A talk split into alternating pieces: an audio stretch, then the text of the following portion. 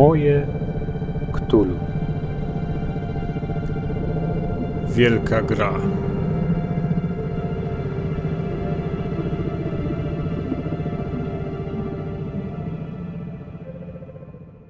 Cześć, jestem Kacper i witam Was w podcaście Moje Ktulu.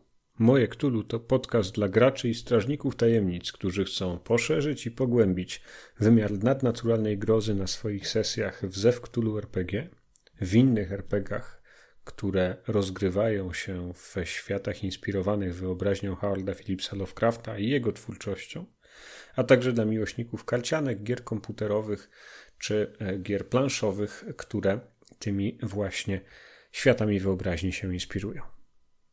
Jest mi niezmiernie, niezmiernie miło, że po upływie pierwszego roku, odkąd zacząłem wydawać ten podcast, po 26 odcinkach, które prawie wszystkie ukazywały się z e, regularnością co dwutygodniową, mogę dzisiaj powitać Was w 27 wydaniu mojego Ktulu, w odcinku Wielka Gra, który, jak sądzę, zainteresuje Was ciekawą postacią w sekcji Ktulu w Polsce – ale także zainteresuje Was, zaciekawi i zachęci do uczestnictwa w urodzinowym konkursie, o którym zaraz więcej opowiem.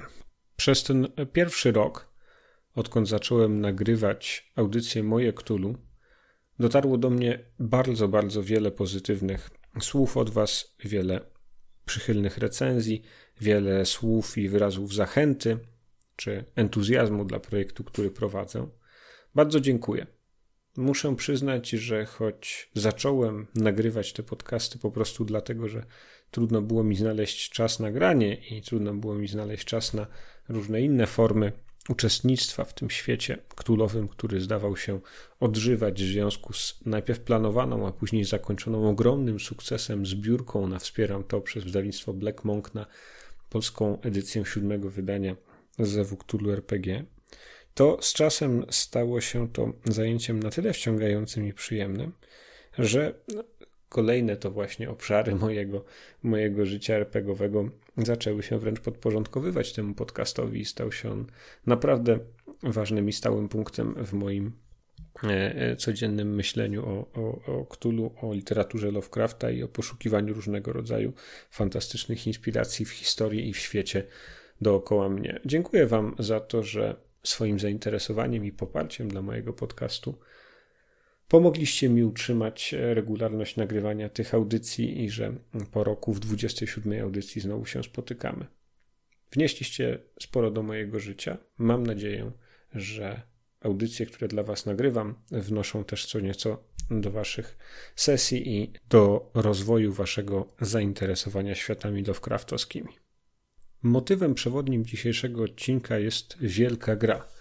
Rywalizacja pomiędzy Imperium Brytyjskim a caratem Rosji, która rozgrywała się w Azji Środkowej w drugiej połowie, głównie drugiej połowie XIX wieku. I postać bardzo dla tej rywalizacji ważna, jeden z kluczowych graczy tej wielkiej gry, czyli Bronisław Grąbczewski, polski podróżnik, odkrywca, generał carskiej armii, który realizował właśnie tam, w tym rejonie, w Tybecie, Iranie, Afganistanie, Pakistanie, różnego rodzaju misje powierzone mu przez e, no właśnie cesarza Rosji i jego e, sztab oraz Instytut Geograficzny, a wszystkie te misje zmierzały do tego, żeby ugruntować pozycję właśnie Imperium Rosyjskiego w tej części świata. Ja zainteresowałem się tą ciekawą postacią po lekturze książki Maxa Cegielskiego Wielki gracz ze Żmudzi na dach świata, którą serdecznie Wam polecam i której fragment również w dzisiejszej audycji się znajduje. Jeśli chodzi o oprawę muzyczną, to mamy dzisiaj dwa utwory. Jeden z nich w pewnym sensie nawiązuje do tematyki, ponieważ jest nagraniem zrealizowanym niedawno w Tybecie przez Le Carte Postale Sonore. Jest to taki projekt, który ukazuje się już w postaci sześciu albumów z nagraniami z różnych stron świata w e, Free Music Archive na licencji Creative Commons. Z tego albumu Noise on Earth Volume 6 China jest to track 19 TV Tibet 2, oraz drugi utwór, który jest, można powiedzieć, takim urodzinowym prezentem podcastowym, Jules Verne Machines e, z albumu e, Lobo Loco Over Midnight. Nie jest to już pierwszy raz, kiedy e, puszczam wam trochę muzyki właśnie tego twórcy Lobo Loco z tego albumu Over Midnight. Mam nadzieję, że przypadnie wam do gustu. Umieszczam ją na końcu tej audycji. Co jeszcze poza tradycyjną porcją newsów? No, przede wszystkim konkurs urodzinowy, który Wam zapowiadałem. Słuchajcie więc teraz uważnie. Możecie oczywiście doczytać na stronie mojego podcastu mojektulu.pl albo na fanpage'u facebookowym jakie są jego zasady. Na stronie znajdziecie również regulamin tego konkursu, precyzujący dokładnie, co trzeba zrobić, kto za co odpowiada mm, i jak będzie wyglądała procedura wyłaniania zwycięzców, ale postaram się teraz Wam ją syntetycznie streścić. Konkurs urodzinowy na podcaście Moje Ktulu jest konkursem na najciekawsze, najbardziej oryginalne, najbardziej inspirujące postacie bohaterów niezależnych do Zewu Ktulu siódmej edycji.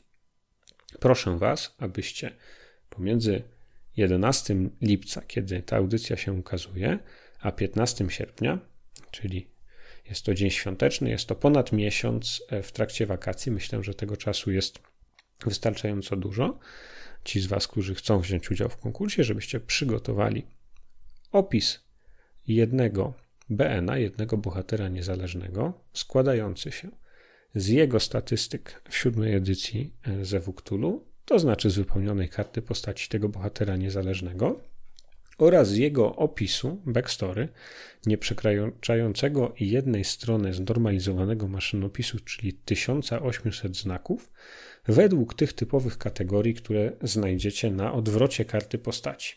To znaczy obejmujących takie zagadnienia jak istotne osoby, przedmioty, do których jest przywiązany opis e, powierzchowności tej osoby, tego, tego BN-a i pozostałe kategorie, które wchodzą w skład tego klasycznego ktulowego backstory. Jakie to mają być postacie? Powinny to być postacie bohaterów niezależnych inspirowanych jakimś wydarzeniem z historii Polski. Nie proszę więc o to, żeby układać statystyki dla jakiegoś konkretnego bohatera lub bohaterki z e, dziejów Polski, czyli proszę nie przesyłać kart postaci e, Karola Wojtyły, Czesława Kiszczaka albo Józefa Piłsudskiego, tylko proszę, abyście stworzyli postać fikcyjną, dobrze zakorzenioną w świecie ktulowym, możliwą do wykorzystania jako istotny bohater niezależny w scenariuszu rozgrywającym się w Polsce albo z jakimiś wątkami polskimi w innym rejonie świata.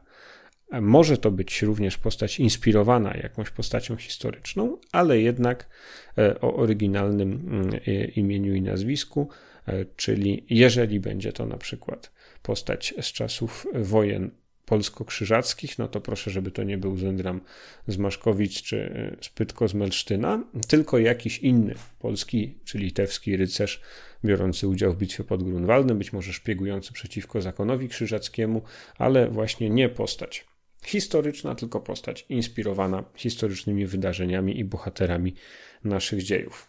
Podobnie, jeśli byłaby to postać z dwudziestolecia międzywojennego, no to to niech nie nie będzie, nie wiem, Wincenty Witos czy Osowiecki, o którym było w audycji kilka wydań temu, tylko niech to będzie postać inspirowana, czy politykami, czy naukowcami, czy żołnierzami, czy mm, jakimiś działaczami społecznymi, a może mm, artystami dwudziestolecia, e, którą sami wymyślicie i opiszecie na potrzeby konkursu. Prace konkursowe proszę uprzejmie przesyłać na adres kacpermałpa.mojektulu.pl. W tym konkursie można brać udział właśnie wysyłając te prace e, w formie mailowej, tylko ta forma zgłoszeń będzie honorowana. Ja będę o tym przypominał, gdyby ktoś przesyłał inną drogą.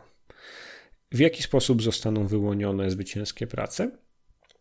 Udało mi się, jestem z tego bardzo dumny i bardzo się cieszę, powołać trzyosobowe jury, które oceni te prace pod względem oryginalności, grywalności i mm, właśnie kierunku tych inspiracji historycznych, na ile on jest, on jest ciekawy i mm, inspirujący. W jury zasiądą osoby kompetentne, aby to ocenić. Jest mi bardzo miło, że zgodziła się e, zasiąść w tym jury Marysia Mary Piątkowska z Graj Kolektywu, również jedna ze współtwórczyń polskiego wydania Zewu Ktulu, tłumaczka, która gościła już dwa razy w moim Ktulu. Bardzo dziękuję, bardzo się cieszę. Marek Golonka, a więc osoba odpowiedzialna za wydanie zgruz tej serii w Miskatonic Repository, która przynosi wielką sławę i chwałę i cieszy się ogromną popularnością na Drive RPG, pokazując, że polskie dodatki fanowskie do Zewuktulu mogą zarówno być interesujące merytorycznie, jak i bardzo dobrze wydane i po prostu świetnie się rozchodzić na Drive RPG. Marku, bardzo dziękuję, że przyjąłeś to zaproszenie, a trzecim jurorem będzie moja żona Ewa, która również sama mistrzowała już w przeszłości ze Wktulu, była również moją graczką i bardzo często mi doradza w tych kwestiach podcastowych, co uważa, że mogłoby być ciekawe. To jest pewien sposób, aby tę jej rolę ujawnić i podkreślić czy docenić. Ten zespół jurorów będzie się nad waszymi pracami pochylał. Ja w tym konkursie rezerwuję sobie rolę sekretarza, a więc moim zadaniem będzie anonimizacja tych prac, które nadejdą na konkurs, aby wykluczyć wszelkiego e, rodzaju możliwości czy podejrzenia, że te oceny byłyby nieobiektywne. Jurorzy dostaną je w postaci zanonimizowanej dowiedzą się, kto wygrał dopiero po tym, kiedy podejmą już ostateczną decyzję. No, skoro jest jury, skoro można nadsyłać pracę, to dobrze byłoby wiedzieć, co w tym konkursie jest do wygrania. Tutaj mam bardzo, bardzo ciekawe, jak sądzę, nagrody, które może Was zainspirują do tego, żeby w tym konkursie wziąć udział. Nagrody zawdzięczam partnerom tego mm, e, konkursu, a są to Q-Workshop, wydawnictwo Black Monk, Zgrozy właśnie, czyli ten imprint, ta seria e, wydawnicza oraz e, Graj Collective. Aż czworo partnerów i bardzo ciekawe nagrody do wygrania pięć najlepszych prac nadesłanych na ten konkurs zostanie wyróżnionych zestawami kości do Zewuktulu wydanymi przez Q-Workshop. Wspaniała nagroda. Są to kości z, związane z różnymi wielkimi przedwiecznymi, Dagonem, Hasturem, Ktulu, Nyarlathotepem. Piękne w oryginalnych opakowaniach, przekazane jako nagrody w konkursie właśnie od Q-Workshopu. Zwycięzca, który otrzyma pierwszą nagrodę, dostanie również Także od Q-Workshopu zestaw tak zwanego złota z Innsmouth, czyli wspaniale artystycznie zaprojektowanych i wielce pieczołowicie przygotowanych e, monet inspirowanych właśnie tym złotem z Innsmouth, znanym z opowiadania Widmo nad Innsmouth, które to marszowie i e, ludność tamtejsza ze swoich relacji z istotami z głębin uzyskuje. Jeden zestaw takiego złota z Innsmouth również jest do wygrania jako nagroda dla zwycięzcy tego konkursu, czyli dla osoby z pierwszą lokatą. To są nagrody od Workshopu. Od wydawnictwa Black Monk dla zwycięzców, którzy zajmą pierwsze trzy miejsca. Startery do Zewu Ktulu z przygodą Adama Wieczorka wprowadzającą do masek Totepa, czyli właśnie te nowe startery maskowe. Od zgruz, to znaczy od właśnie tego projektu, któremu kieruje Marek Golonka i który jest wydawany przez cały jego zespół, nagroda dla zwycięzców trzech pierwszych miejsc będzie to publikacja tych zwycięskich BN-ów w nowej, osobnej pozycji w Miskatonic Repository w ramach serii Zgrozy, właśnie prezentującej tych bohaterów niezależnych. Zastrzegamy sobie możliwość redakcji i pewnych modyfikacji w tych nadesłanych pracach na potrzeby publikacji, ale oczywiście będą one poddane autoryzacji e, autorów. E, wszystkie te mm, postacie ukażą się w e, zbiorze, który przynajmniej na dziś możemy powiedzieć będzie liczył pięciu BN-ów, będzie to trzech mm, z wygrywających lokat konkursowych, właśnie z tak zwanego pudła z podium oraz dwóch BN-ów mojego autorstwa.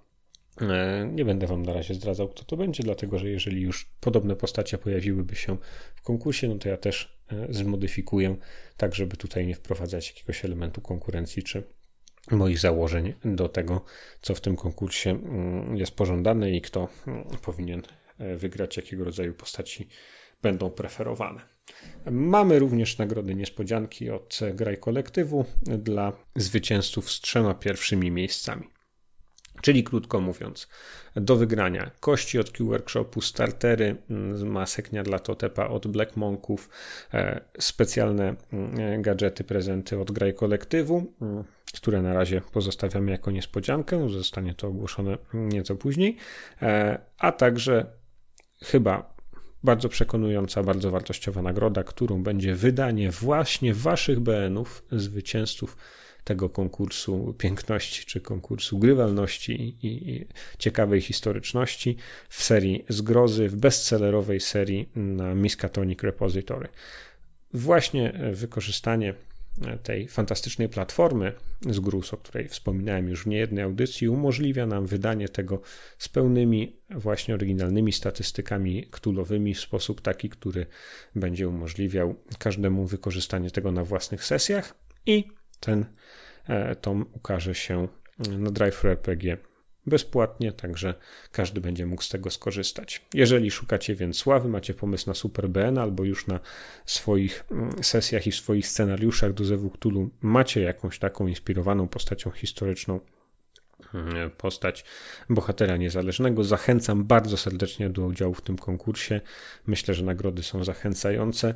E, wieczna sława na łamach z gruz i bardzo wartościowe nagrody rzeczowe od partnerów tego konkursu.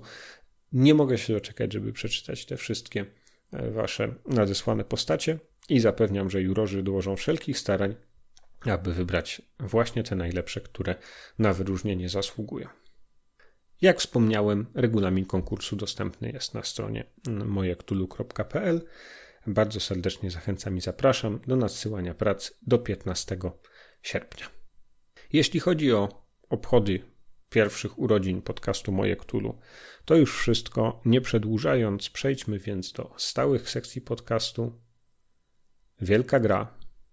Zaczynamy.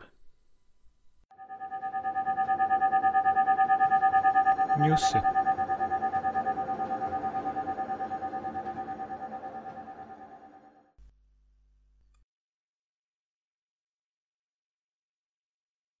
W dzisiejszych newsach chciałbym skupić się w zasadzie na jednym, ale bardzo znamiennym i bardzo głośno komentowanym w środowisku RPGowym wydarzeniu ostatnich dwóch tygodni, a w zasadzie ostatnich dni. Mam tutaj na myśli zbiórkę, która weszła na Kickstartera i narobiła tam całkiem sporo szumu. Zainteresowała e, wspierających na tyle, że w ciągu pierwszych dwóch godzin już została ufundowana, został pokryty ten minimalny próg mm, finansowy czyli zbiórkę zorganizowaną przez znane, myślę Wam dobrze, wydawnictwo Stygian Fox, które odpowiada m.in. za takie perełki jak Fierce, Sharp Little Needles, Hudson and Brand, czy The Things We Leave Behind. E, bardzo dobry zbiór scenariuszy. E, Stygian Fox nie po raz pierwszy zorganizowało zbiórkę na swój kolejny projekt wydawniczy. To brytyjskie wydawnictwo przyzwyczaiło nas już do tego, że właśnie w ten sposób informuje o swoich planach i w ten sposób finansuje ich realizację. Ja sam wspominałem jakiś czas temu o zbiórce na scenariusze e, Occam's Razor, które również ja wsparłem w tym przypadku finansowo, a e, inne produkty tego wydawcy kupowałem dotąd e, już później na DriveThru RPG. Tym razem Stygian Fox uraczył nas bardzo ciekawą zapowiedzią. Jest to tytuł Innsmouth 86, a więc na fali fascynacji latami 80., która przejawia się między innymi w trzecim już sezonie i wielkim sukcesie serialu Stranger Things, rozgrywającego się w Stanach właśnie w latach 80. Na fali tej nostalgii i sentymentu do okresu, który wielu może wspominać jako czasy swojego dzieciństwa, wcześniejszego lub, lub, lub bardziej dojrzałego. E, Stygian Fox postanowił przygotować z udziałem znakomitych autorów podręcznik nowy setting do Zewuktulu, w którym będzie się grało właśnie w latach 80., w tym jak Innsmouth mogłoby wyglądać, gdyby przetrwało ten słynny rajd marynarki wojennej FBI E, i jak w tej społeczności można byłoby odkrywać Lovecraftowskie tajemnice i mm, siać grozę oraz, oraz obłęd. Niestety zbiórka ta nigdy nie dojdzie do końca i nigdy nie doczekamy się jej szczęśliwego finału. Grupka osób rozczarowanych dotychczasową polityką Stygian Fox, które to wydawnictwo nie wywiązało się w terminie ze wszystkich swoich zaciągniętych w toku właśnie kickstarterowych fundraiserów zobowiązań wobec wspierających w niektórych ze swoich projektów, a odpaliło ich już całkiem sporo postanowiła skoordynować się i zgłosić do Kickstartera naruszenie jego zasad. Warto Wam bowiem wiedzieć, że od jakiegoś czasu Kickstarter do swojego regulaminu wprowadził dość restrykcyjne, rygorystyczne normy związane właśnie z niedopuszczaniem nowych zbiórek od tych twórców, którzy nie wywiązują się ze zobowiązań zaciągniętych w zbiórkach poprzednich. I tak się stało, że na podstawie zaledwie sześciu takich zgłoszeń, które wpłynęły do Kickstartera tamtejsi decydenci postanowili tę zbiórkę zawiesić i zdjąć oraz zwrócić środki tym, którzy już e, zadeklarowali swój e, w tej zbiórce e, udział. To znaczy zwrócić oczywiście mm, w formie czysto księgowej, dlatego że jak wiem na Kickstarterze pieniądze pobierane są dopiero na sam koniec kampanii.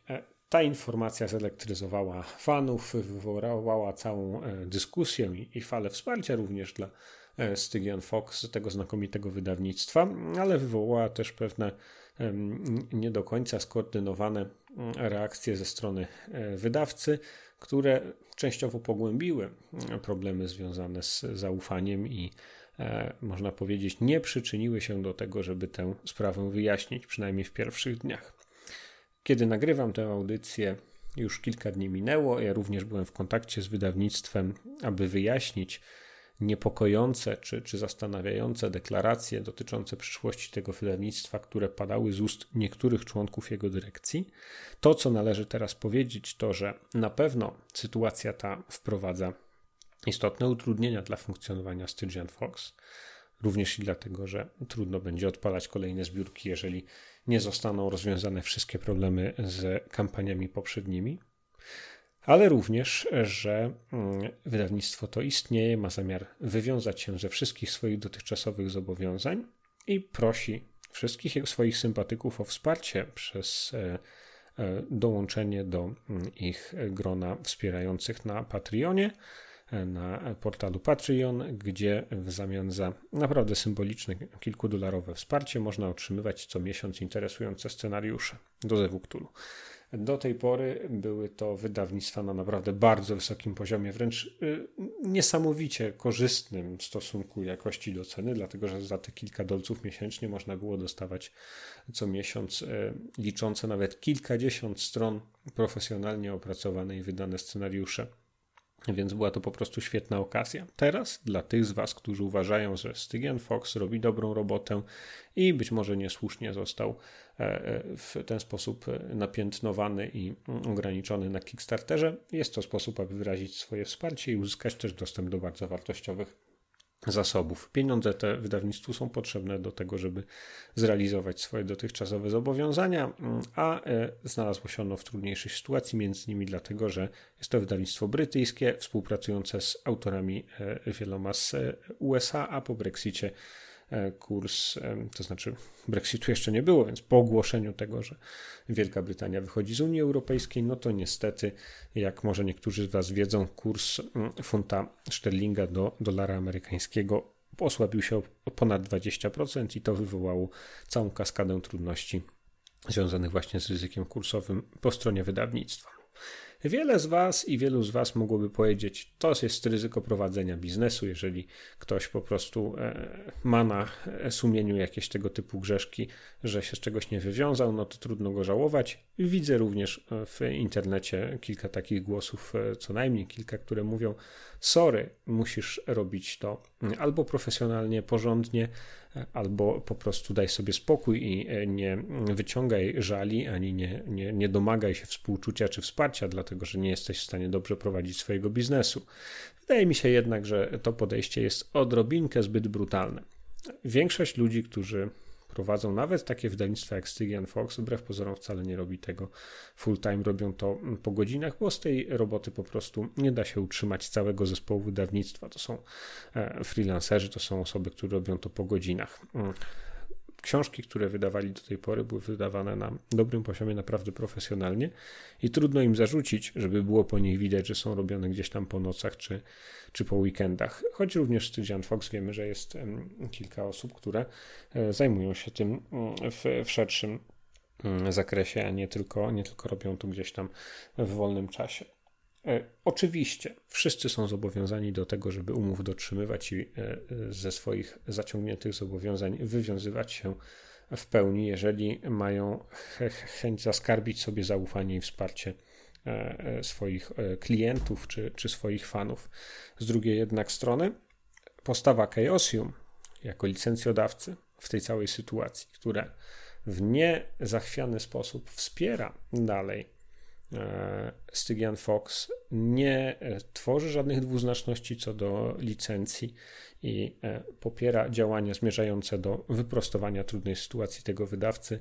Sugeruje nam, w jakim kierunku należałoby najlepiej iść, jeśli zależy nam na tym, żeby nadal od Stygian Fox otrzymywać bardzo dobre produkty i aby pomóc im w wywiązaniu się ze wcześniejszych zobowiązań. Żeby jednak ten temat nie zmonopolizował całkowicie dzisiejszych newsów, chciałbym podzielić się z Wami informacją o tym, jakie wśród e, produktów nominowanych do nagród ENI w 2019 roku, a są to chyba najsłynniejsze nagrody świata e, RPGowego, jakie tam są produkty, które związane są z Zewem Cthulhu albo przewijały się w ostatnim roku na moim podcaście. Mamy w wielu kategoriach królowe wątki. Pamiętajcie, że w tym konkursie głosuje społeczność. Nominacje przyznawane są przez e, wybieranych sędziów, ale ostateczny wynik jest determinowany przez głosy społeczności. Każda z Was i każdy z Was może zagłosować na nominowane do nagród Enis produkty. W kategorii najlepsza przygoda pośród e, pięciu zgłoszonych, e, wybranych przez sędziów produktów mamy maski Nyarlathotepa wydane przez Chaosium. Piękna klamra. Rok temu prezentowałem recenzję tego dodatku w pierwszej audycji mojego Cthulhu. W kategorii Best Aid Accessory, to znaczy najlepsza pomoc e, do grania w podkategorii niecyfrowej mamy Maskot Nyarlathotep Gamer Prop Set wydane przez Howard Phillips Lovecraft Historical Society, a więc zestaw handoutów, zestaw pomocy do gry, który e, można zakupić, który został przygotowany wielce pieczołowicie właśnie przez tę grupę z zachodniego wybrzeża. W kategorii najlepsza okładka mamy dwie ciekawe nominacje, również z pięciu zgłoszonych. Okładka do mm, Cult Divinity Lost, e, którą tą grę recenzowałem mm, jakiś czas temu na moim podcaście, oraz okładka do Terror Australis drugiej edycji, a więc do suplementu do Zewu opisującego realia australijskie.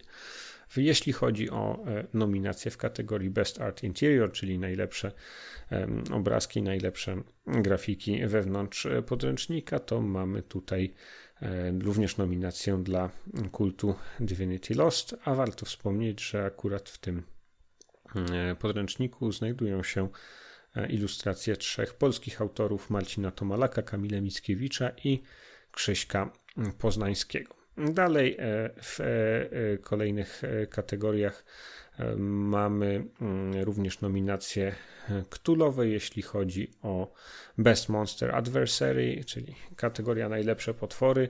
To jest nominacja dla Sandy Peterson's Cthulhu Mythos for 5th Edition, a więc dla podręcznika mm, Sandy'ego Petersona, który opisuje wprowadzanie do piątej edycji D&D potworów ze świata wyobraźni Howarda Phillipsa Lovecrafta i jego naśladowców. W kategorii Best Online Content nominowany jest Sef Skorkowski, który prowadzi e, kanał na YouTube poświęcony Zewowi Cthulhu. Prezentuje bardzo głębokie, wnikliwe recenzje różnych produktów i jest jedną z wiodących postaci, jeśli chodzi o społeczność ktulową. Mamy także w kategorii Best Rules najlepsza mechanika Starter do Zewu Cthulhu wydany przez e, Chaosium. E, ten zestaw e, startowy, o którym jakiś czas temu wspominałem, on jest dostępny w wersji elektronicznej za 9 dolarów. Oczywiście nieco droższa jest wersja tekturowe, ale jest to kompletny zestaw w stylu właśnie takim, jak to było w latach 80., zawierający nawet kostki, który umożliwia rozegranie kilku pierwszych klasycznych scenariuszy, takich jak Doors to Darkness, e, jak Stepujący Nieboszczyk, jak Paper Chase e, i e, jest on również dostępny właśnie w tych dwóch mm, postaciach. W kategorii najlepszy setting znowu nominacja dla Call of Cthulhu Terror Australis drugiej edycji, ale również dla mm, podręcznika The Fall of Delta Green wydanego przez Pelgrane Press, który opisuje tragiczny e, kryzys w historii Delta Green związany z e, operacją prowadzoną w e, Indochinach. Znowu tutaj w kategorii bez supplement, najlepszy dodatek. Nominowane jest wydawnictwo Golden Goblin Press, Oscar Rios za swój dodatek The Seventh Edition Guide to Cthulhu Invictus, recenzowany przeze mnie w audycji o bursztynowym szlaku również kilka miesięcy temu. W kategorii Best Writing e, znów nominacja dla kultu. Coś mi się wydaje, że ta gra zbierze co najmniej jedną nagrodę Enis, a raczej pewnie więcej. I to już wszystkie kategorie, w których możecie znaleźć e, wątki. E, a nie, przepraszam, jest jeszcze w kategorii Produkt Roku. Znowu nominacja dla zestawu rekwizytów, handoutów do masek dla Totepa wydanych przez Howard Phillips Lovecraft Society, czyli jak widzicie w wielu kategoriach Cthulhu jest obecne i należy, jeżeli te produkty znacie, jeżeli Wam się podobały, skorzystajcie z okazji, żeby na nie zagłosować. Natomiast warto zajrzeć na stronę konkursu Enis i zobaczyć, czy nie ma tam jakichś innych wydawnictw RPGowych, które zrobiły na Was pozytywne wrażenie, dostarczyły Wam dobrej zabawy, żeby zagłosować na nie. Te nagrody się nadal bardzo liczą w środowisku i e, warto również włączyć się w tę globalną społeczność fanów, głosując w tym konkursie, skoro mamy taką możliwość.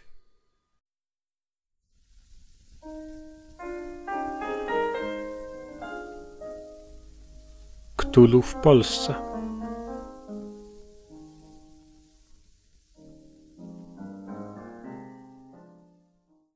Bardzo bym nie chciał, zwłaszcza w tej urodzinowej audycji, zabrzmieć jak stary dziad, ale chyba muszę zacząć od zadania takiego retorycznego pytania.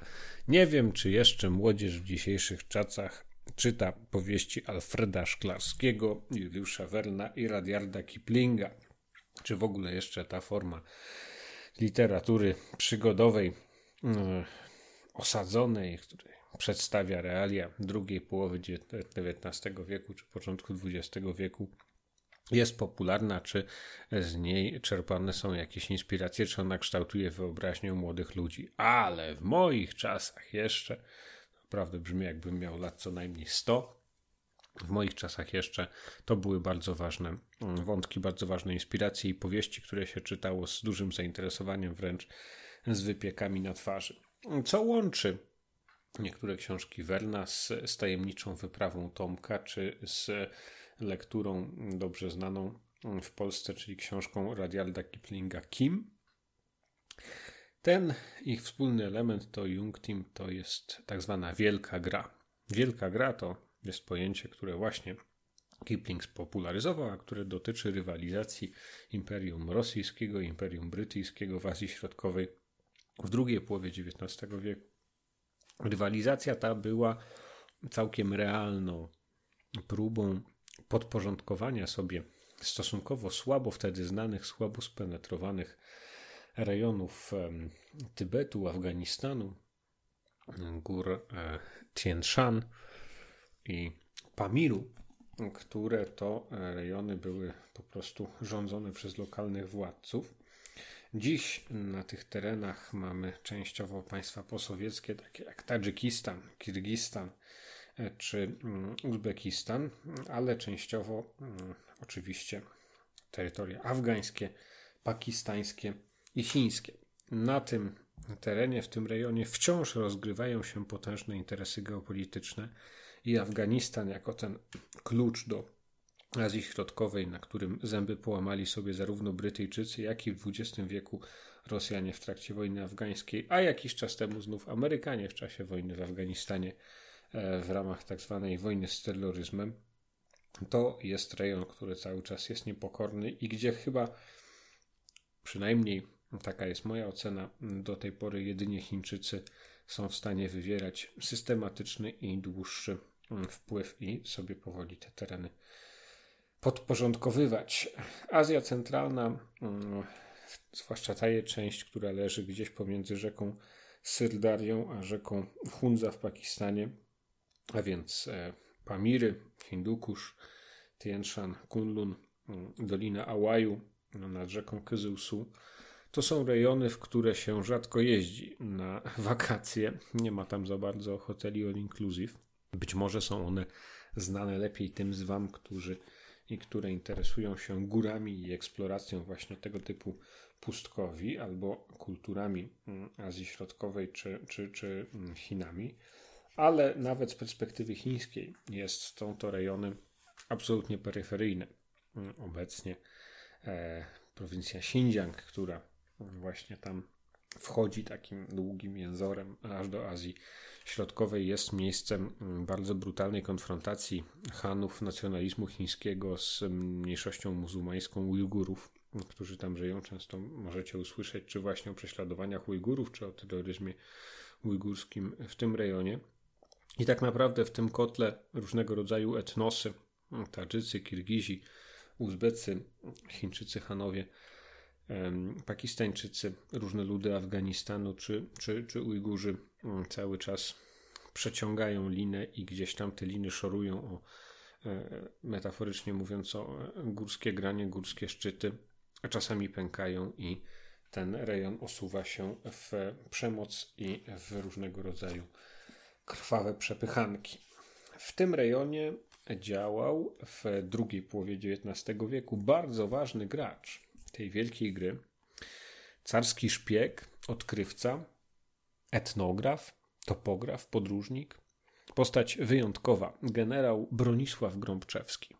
Był synem powstańca styczniowego, a z drugiej strony generałem w carskiej służbie, wielokrotnie nagradzanym przez Rosyjskie Towarzystwo Geograficzne, gubernatorem Astrachania, uczestnikiem wielu kampanii wojennych e, w właśnie Azji Środkowej prowadzonych przez, przez carat.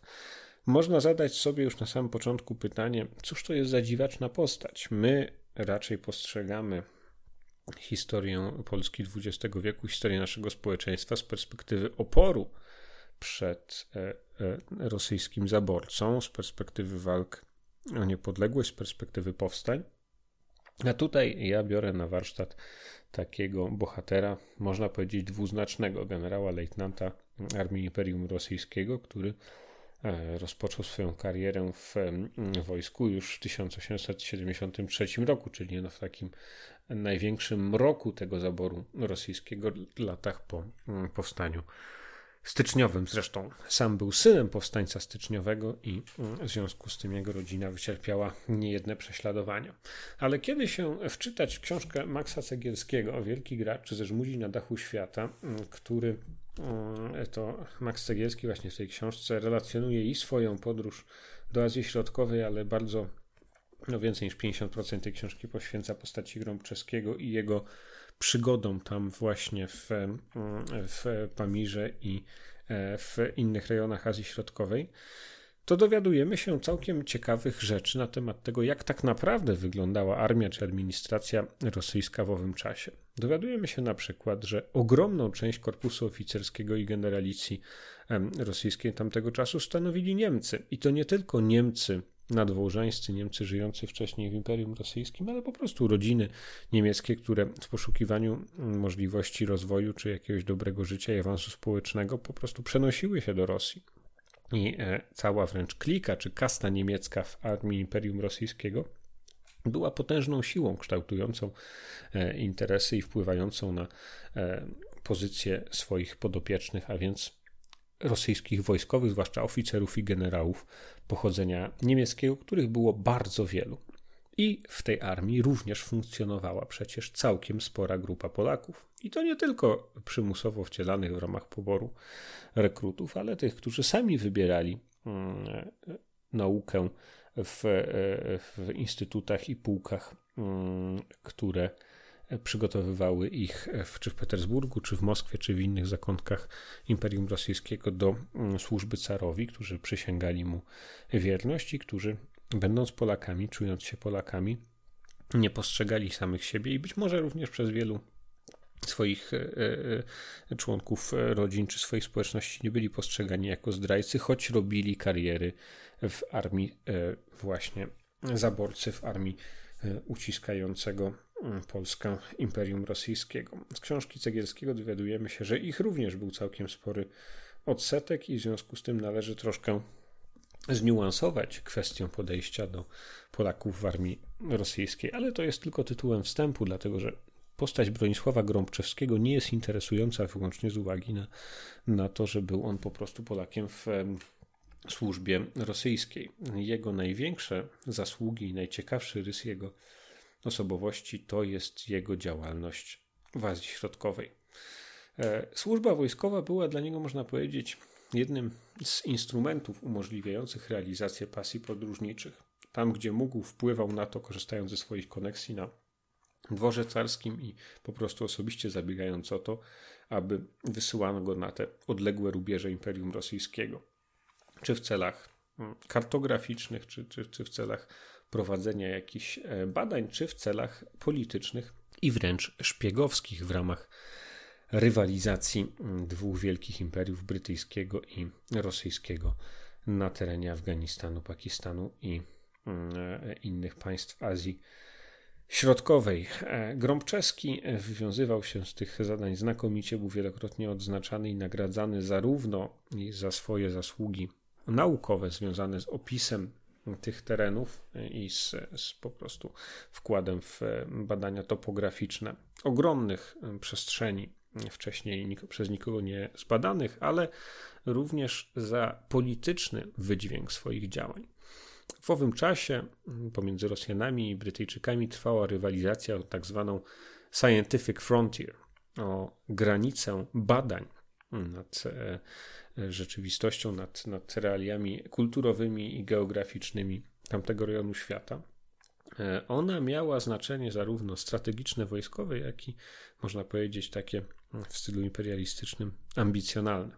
Była pewnego rodzaju odpowiednikiem zimnowojennego wyścigu w kosmosie, ścigania się dwóch potężnych imperium o to, które z nich podporządkuje sobie niezagospodarowane do tej pory, niewłączone do stref wpływów przestrzenie. Z jednej strony więc Gromczeski podróżując po mm, właśnie mm, tych mm, e, e, dalekich obwodach Imperium Rosyjskiego i wychodząc poza jego granice, aby zawierać sojusze i podporządkowywać sobie e, różnych tam lokalnych władców, zawierać z nimi korzystne układy, włączać ich w rosyjską strefę wpływów wysyłał raporty o charakterze wojskowym, mówiące o tym właśnie, jak tamtejsze drogi są utrzymane, czy mogłyby się nimi przemieszczać wojska. Można byłoby puścić wodze fantazji i powiedzieć, Grąbczeski przygotowywał rosyjską inwazję na brytyjskie Indie, pokazując, jakimi drogami można dostać się na, na teren Pakistanu. A to mówię z pewną dozą fantazji, ponieważ tego typu eksplicite, wyraźnie powiedziane ambicje nie znajdują potwierdzenia w materiale źródłowym, no ale właśnie tego typu badania wojskowe prowadził, często podróżując w mundurze z wojskową obstawą mm, swoich kozaków, prowadząc te e, badania, e, a z drugiej strony konfrontuje się często osobiście z lokalnymi władcami, prowadząc różnego rodzaju zabiegi i, i, wyprawy dyplomatyczne, starając się nawiązywać z nimi kontakty, ale również z Brytyjczykami, którzy te tereny poznają, takimi jak Young Husband, czy inni odkrywcy i awanturnicy, którzy od strony południowej, od strony subkontynentu indyjskiego próbują poznać, opisać i włączyć do brytyjskiej strefy wpływów właśnie te tereny górskie Azji Środkowej. Fascynująca postać niewątpliwie mm, ze względu właśnie na to, że można powiedzieć, że jest to postać wyjęta z kart powieści Juliusza Werna, czy mm, przypominająca częściowo młodszego swojego kolegę, również słynnego podróżnika i e, bestsellerowego autora książek, drugiego najbardziej poczytnego Polaka w historii, Ferdynanda Osendowskiego, który myślę, że zasługuje na osobną audycję i chętnie o nim opowiem. Pod koniec e, swojej kariery w carskim wojsku mm, Bronisław Grąbczewski już e, nie podejmuje takich wielkich wypraw, a znajduje się na początku I wojny światowej w Anapie nad Morzem Czarnym, gdzie już można powiedzieć zbliża się powoli do emerytury. Później w okresie rewolucji bolszewickiej mm, współpracuje z białymi i na Dalekim Wschodzie wspiera mm, wojska admirała Kołczaka, mm, wypełniając misję zleconą mu przez generała Denikina, a po wojnie przenosi się już od 1920 roku mieszka po prostu w Warszawie, gdzie spisuje swoje wspomnienia i wydaje swoje książki w różnych językach, po angielsku, po, po niemiecku, po polsku. Wydaje te książki, które zdążył napisać jeszcze za życia. Wydaje pięć książek o Kaszgari, o Hindukuszu, o Raskemie, Tybecie i rozlicza się ze swoją przeszłością. Umierając, pozostawia ogromną, niewydaną spuściznę. W 1926 roku w Warszawie odchodzi z tego świata i zostawia po sobie ponad 60 tysięcy stron notatek i materiałów, w których część zdeponowana jest w Rosyjskim Towarzystwie Geograficznym i nadal po dziś dzień znajduje tam entuzjastów, którzy zgłębiają i przygotowują wydania tych materiałów. Częściowo zostawia je w Warszawie. Nie pozostawia potomka, nie mm, umiera, umiera bezdzietnie i w ten sposób kończy się jego długie i pełne przygód życie, w ramach którego dowodził hmm, ekspedycjami czy kampaniami wojskowymi przeciwko ludom Azji Środkowej, ale również zgłębiał z etnograficzną pieczołowitością obyczaje i politykę ludów w tej ziemi i jako polski wielki gracz uczestniczył w wielkiej rywalizacji o Azję Środkową pomiędzy Imperium Brytyjskim a Imperium Rosyjskim. W jaki sposób wykorzystać wielkiego gracza na waszych sesjach w Zawiekturu? Moim głównym pomysłem, moją główną intencją nagrania tego fragmentu dzisiejszej audycji jest pokazanie wam, że kiedy mówimy o e, Ktulów, jak to się mówi w epoce wiktoriańskiej, a w Polsce nigdy nie było żadnej epoki wiktoriańskiej ani w Imperium E, e, rosyjskim. Powinniśmy raczej mówić w epoce aleksandrowskiej, bo wtedy na mm, tronie e, cesarskim Rosji panują Aleksander II i Aleksander III, zwłaszcza tutaj czas Aleksandra III mm, Romanowa i Mikołaja II Aleksandrowicza. Mm, to jest okres, który pokrywa się z epoką e, Zewuktulu 1890, że w tych czasach Polska to nie jest wyłącznie kraj priwislański czy mm, tereny zaborcze właśnie Galicji albo, albo e, Wielkopolski mm, czy, czy Pomorza pod e, panowaniem niemieckim, lecz także to może być okres, w którym wielu polskich odkrywców, takich jak Przewalski, naukowców, czy takich szpiegów awanturników jak Bronisław Grąbczewski podróżuje gdzieś po świecie i mm, wypełnia niesamowicie pasjonujące misje w dowolnym mm, zakątku świata, czyli że po prostu w tej epoce równoprawnymi mm, bohaterami dla badaczy tajemnic mogą być e, angielscy lordowie czy e, jacyś tam emerytowani żołnierze w służbie jego królewskiej mości, którzy wracają e, z Indii i mają czas i pieniądze na podążanie szlakami mitów Ktulu, jak i ich e, polscy koledzy, którzy są również aktywnymi i e, bardzo znanymi często, sławnymi na cały świat e, awanturnikami, odkrywcami, podróżnikami, którzy wytyczają nowe szlaki na mało znanych i bardzo tajemniczych rejonach, a na przykład Azji Środkowej, a jak wiemy w, Himalajach i w Tybecie Howard Phillips Lovecraft umieszcza centrum e, kultu Wielkiego Ktulu, więc trudno wyobrazić sobie, mm, żeby było inaczej niż żeby Bronisław Grąbczewski gdzieś w swoich przepasnych dziesiątkach tysięcy stron notatek nie zawarł wzmianki o tego typu kultach. Może jednak lepiej, aby jego spuścizna nie była wydana? Aby te bluźniercze rękopisy nie ujrzały później światła dziennego? Wam pozostawiam decyzję, w jakim stopniu grom czeskiego wykorzystać jako ciekawego BN-a, a w jakim stopniu zaprojektować przygody dla Waszych grup badaczy tajemnic w właśnie podróżniczych klimatach osendowskiego, gromczeskiego, wypraw przewalskiego czy innych, którzy zgłębiali tajemniczy kontynent azjatycki u schyłku XIX wieku.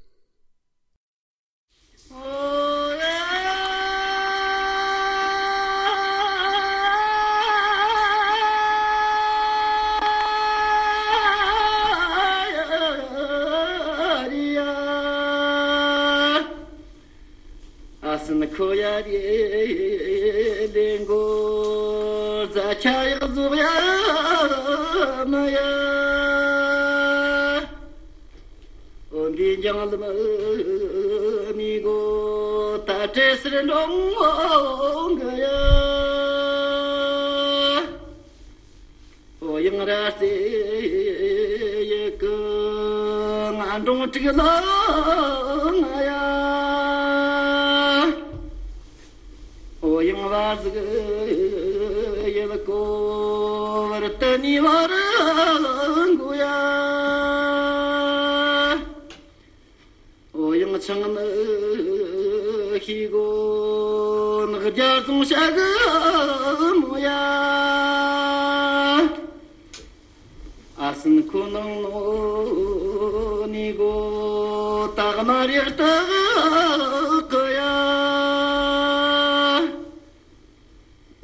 tsl ndang nga tag tig la na ya asan ko va zg yel ko randa ga var go ya yang chang na xi go nang zhuo ba zong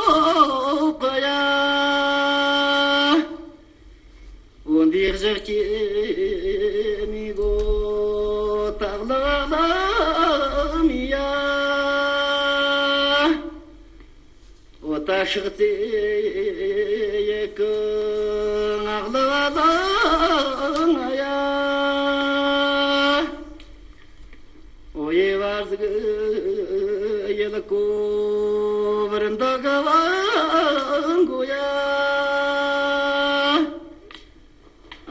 ko chang le hi go ngir le hi na ma na da ya ngap sikar ga ne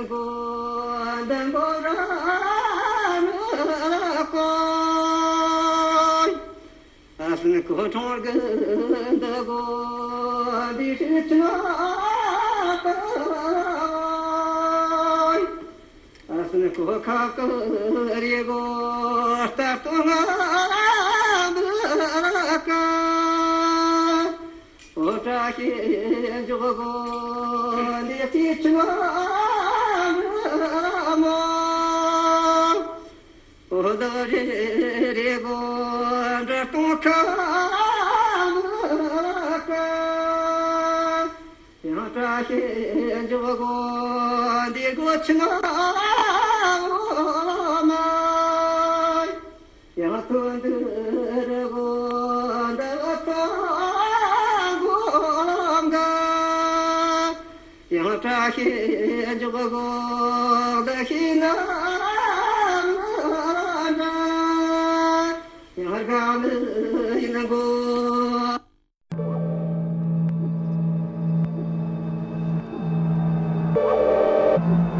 Recenzja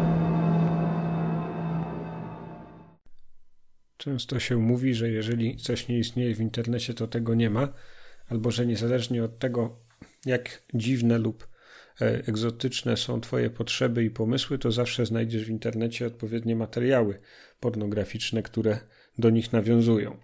Nie ukrywam, że byłem mocno zaskoczony, kiedy poszukując jakiegoś wydawnictwa do zrecenzowania w audycji poświęconej wielkiej grze, rywalizacji rosyjsko- brytyjskiej w Azji w XIX wieku, znalazłem na Drive RPG po prostu grę, która nosi tytuł The Great Game i jest grą o odpowiednio fantastyką nasyconym świecie właśnie XIX-wiecznych zmagań w Azji Środkowej, zmagań o dominację pomiędzy wielkimi imperiami kolonialnymi Białego Cara i Króla Angielskiego. Dlatego właśnie no, nic e, innego nie mogłem wziąć na warsztat, jeśli chodzi o recenzję w tej audycji, niż napisaną przez MJ'a Ali Shaha The Great Game. E, ta gra RPG ukazała się w 2014 roku wyłącznie w postaci bety udostępnionej wszystkim bezpłatnie jako no, takiego konceptu rozwiniętego do długości około 60 stron, ale całkiem ładnie wydanego który miał e, posłużyć temu, żeby zebrać opinię społeczności i być może wydać jakąś pełniejszą, e, kompletną wersję, właśnie wersję 1.0 tej gry.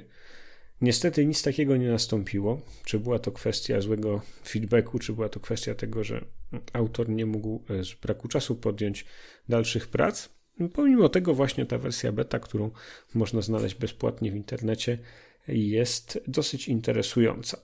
To, co w niej jest oczywiście mm, już na pierwszej stronie zachęcające każdego miłośnika Lovecrafta do tego, żeby się z tą grą lepiej zapoznać, to oczywiste nawiązania właśnie do Wielkich Przedwiecznych i wskazanie, że jest to gra o uniwersum niezależnym od Zewu Cthulhu, ale jednak e, w klimatach właśnie Lovecraftowskich. Jakie są główne założenia, jeśli chodzi o lore tej gry i jeśli chodzi o rzeczywistość przedstawioną? Rozgrywa się ona e, właśnie na scenie Azji Środkowej, Kirgistanu, Tadżykistanu, Uzbekistanu, a przede wszystkim e, Afganistanu XIX-wiecznego. Afganistan jest sercem opowieści, dlatego że to właśnie tutaj, w pewnym momencie historii, w roku 1800 1944 następuje rozejście ścieżki zdarzeń historycznych ze ścieżką fantastyczną. Jak się okazuje, w 1844 roku pojawia się wraz z dziwnymi powiewami wiatru nadchodzącymi od strony Hindukuszu nowe zjawisko, które sprawia, że świat nie jest już taki jak wcześniej.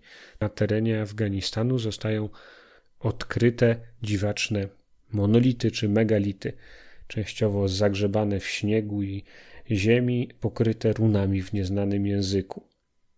Pielgrzymi zaczynają zdążać w, tamtą stronę i od tego czasu wydarzenia nabierają niezwykłego przyspieszenia. Jak się okazuje, megality te związane są z przepływem do naszego świata, na naszą planetę kosmicznej energii eteru z kosmosu i wykorzystanie właśnie mocy eteru do mm, nowych wynalazków, do, do produkcji przemysłowej, do przekraczania granic technologii, mm, wywołuje nagły skok technologiczny, wywołuje rewolucję techniczną i rewolucję również w sztuce wojennej. Wkrótce w ciągu kolejnych dekad, dzięki zagospodarowaniu naukowemu eteru, udaje się tworzyć latające twierdze, różnego rodzaju innowacje, które dostają się zarówno w ręce Brytyjczyków, jak i e, lokalnej społeczności, tych wszystkich ludów subkontynentu,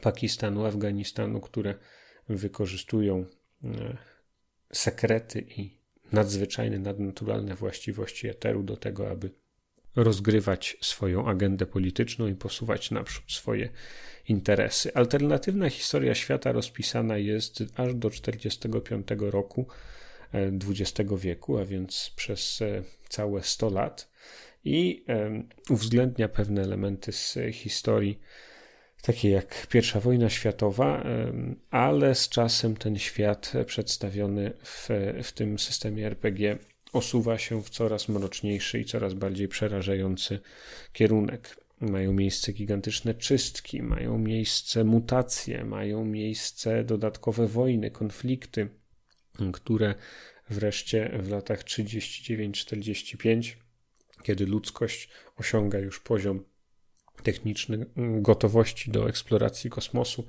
nadciąga Armagedon.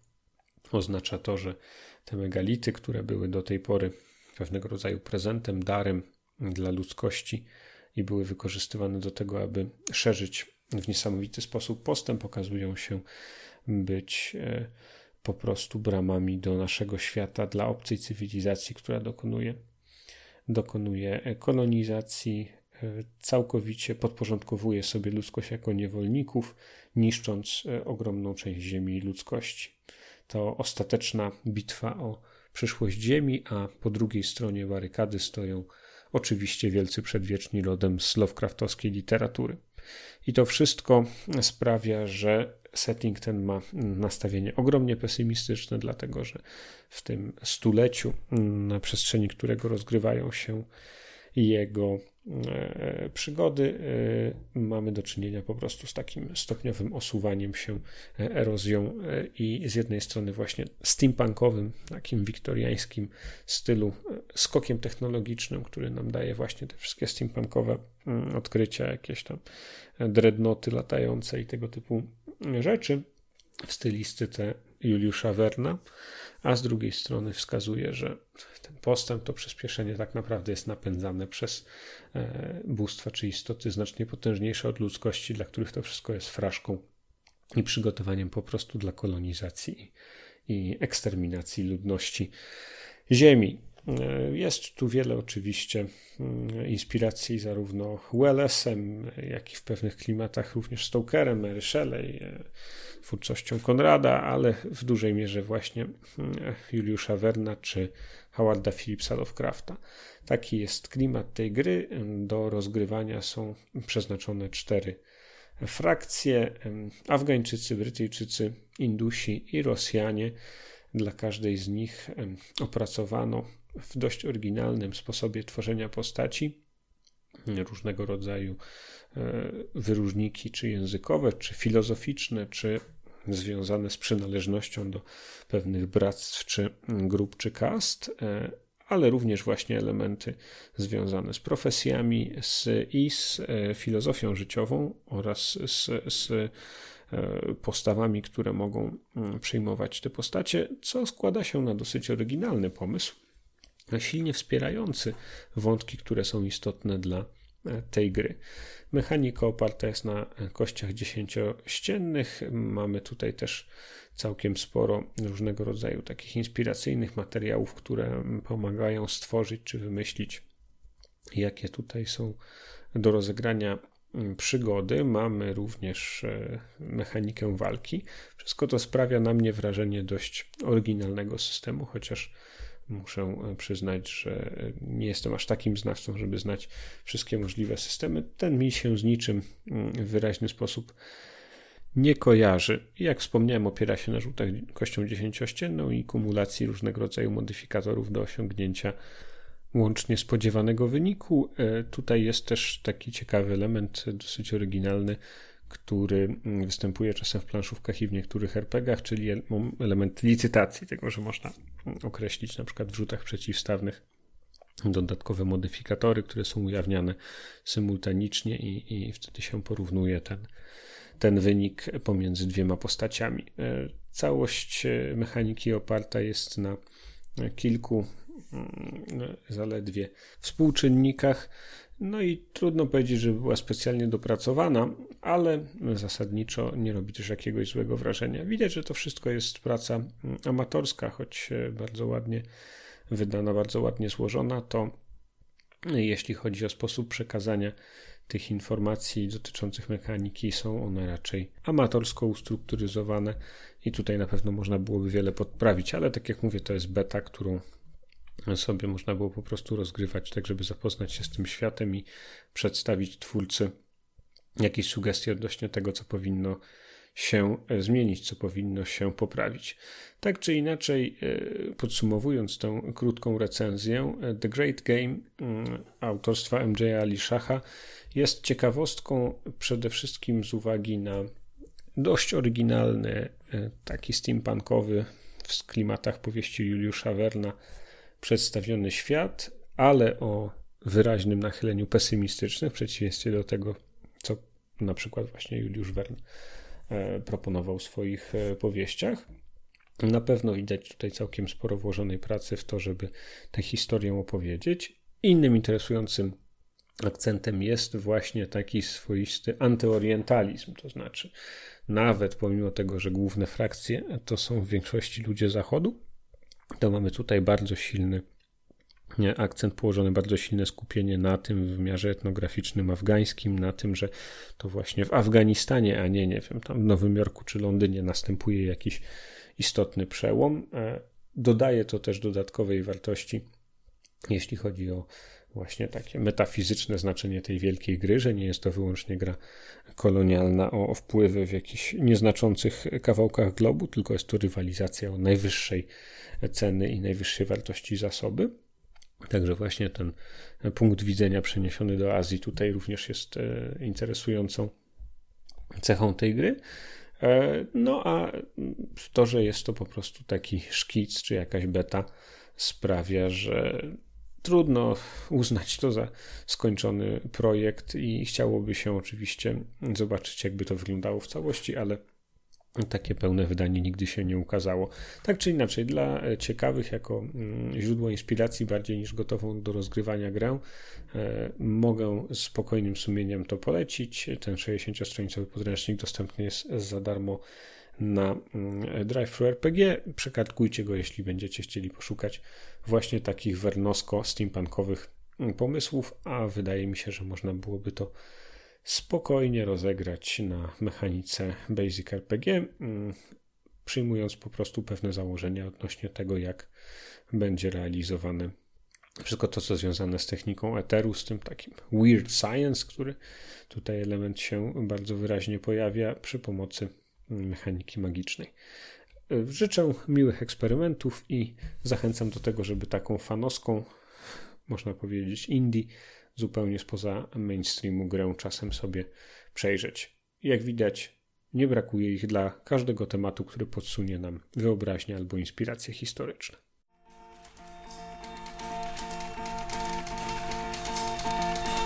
Biblioteka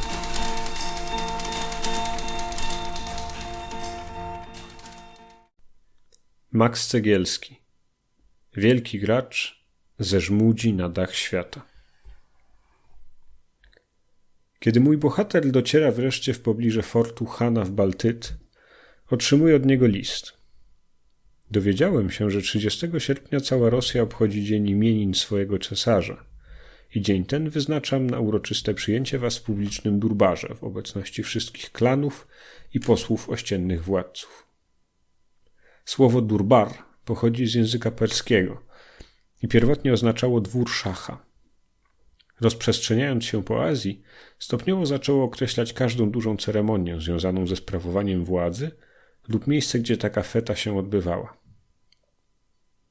Cytat. Zrozumiałem, iż Safter Ali Khan tak się zaangażował, że to nie ja właściwie byłem w pułapce, lecz on musiał liczyć się ze mną i spełniać me żądania.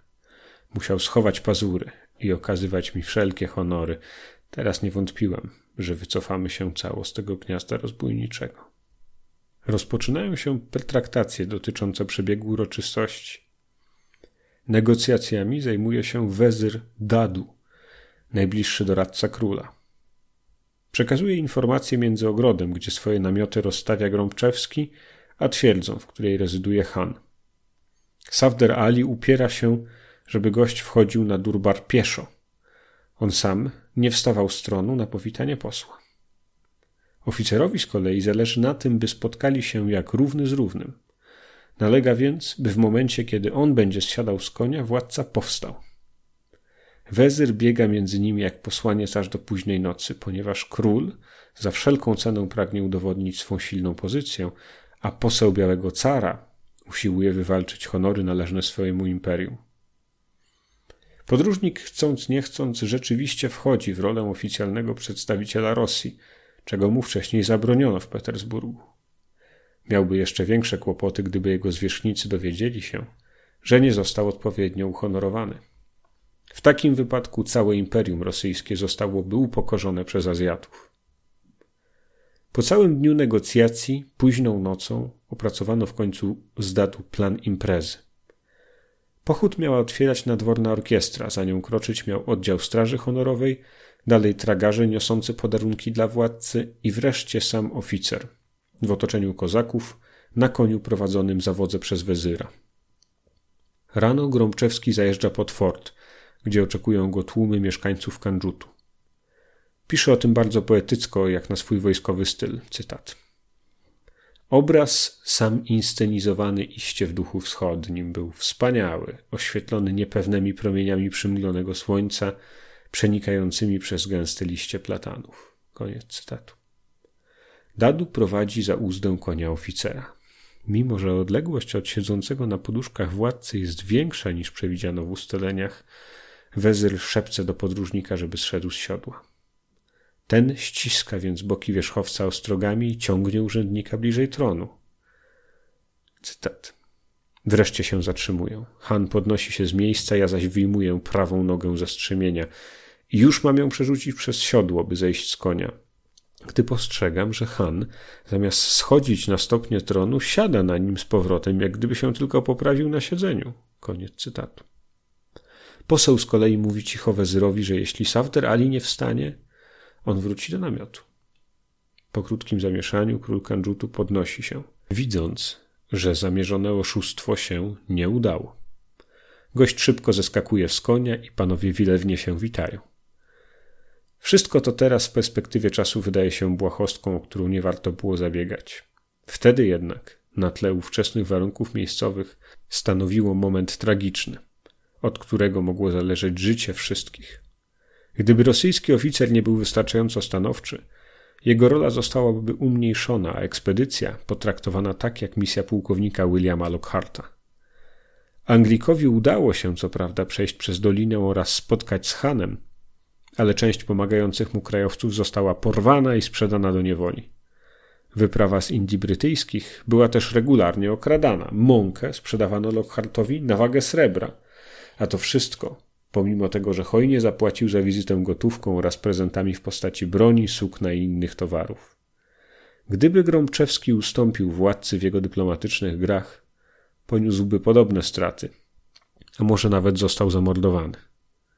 Jego stosunki z Safderem Alim pozostają napięte do końca pobytu w Dolinie Hunzy. Wielka gra toczy się dalej, a każdy niewłaściwy ruch może spowodować klęskę.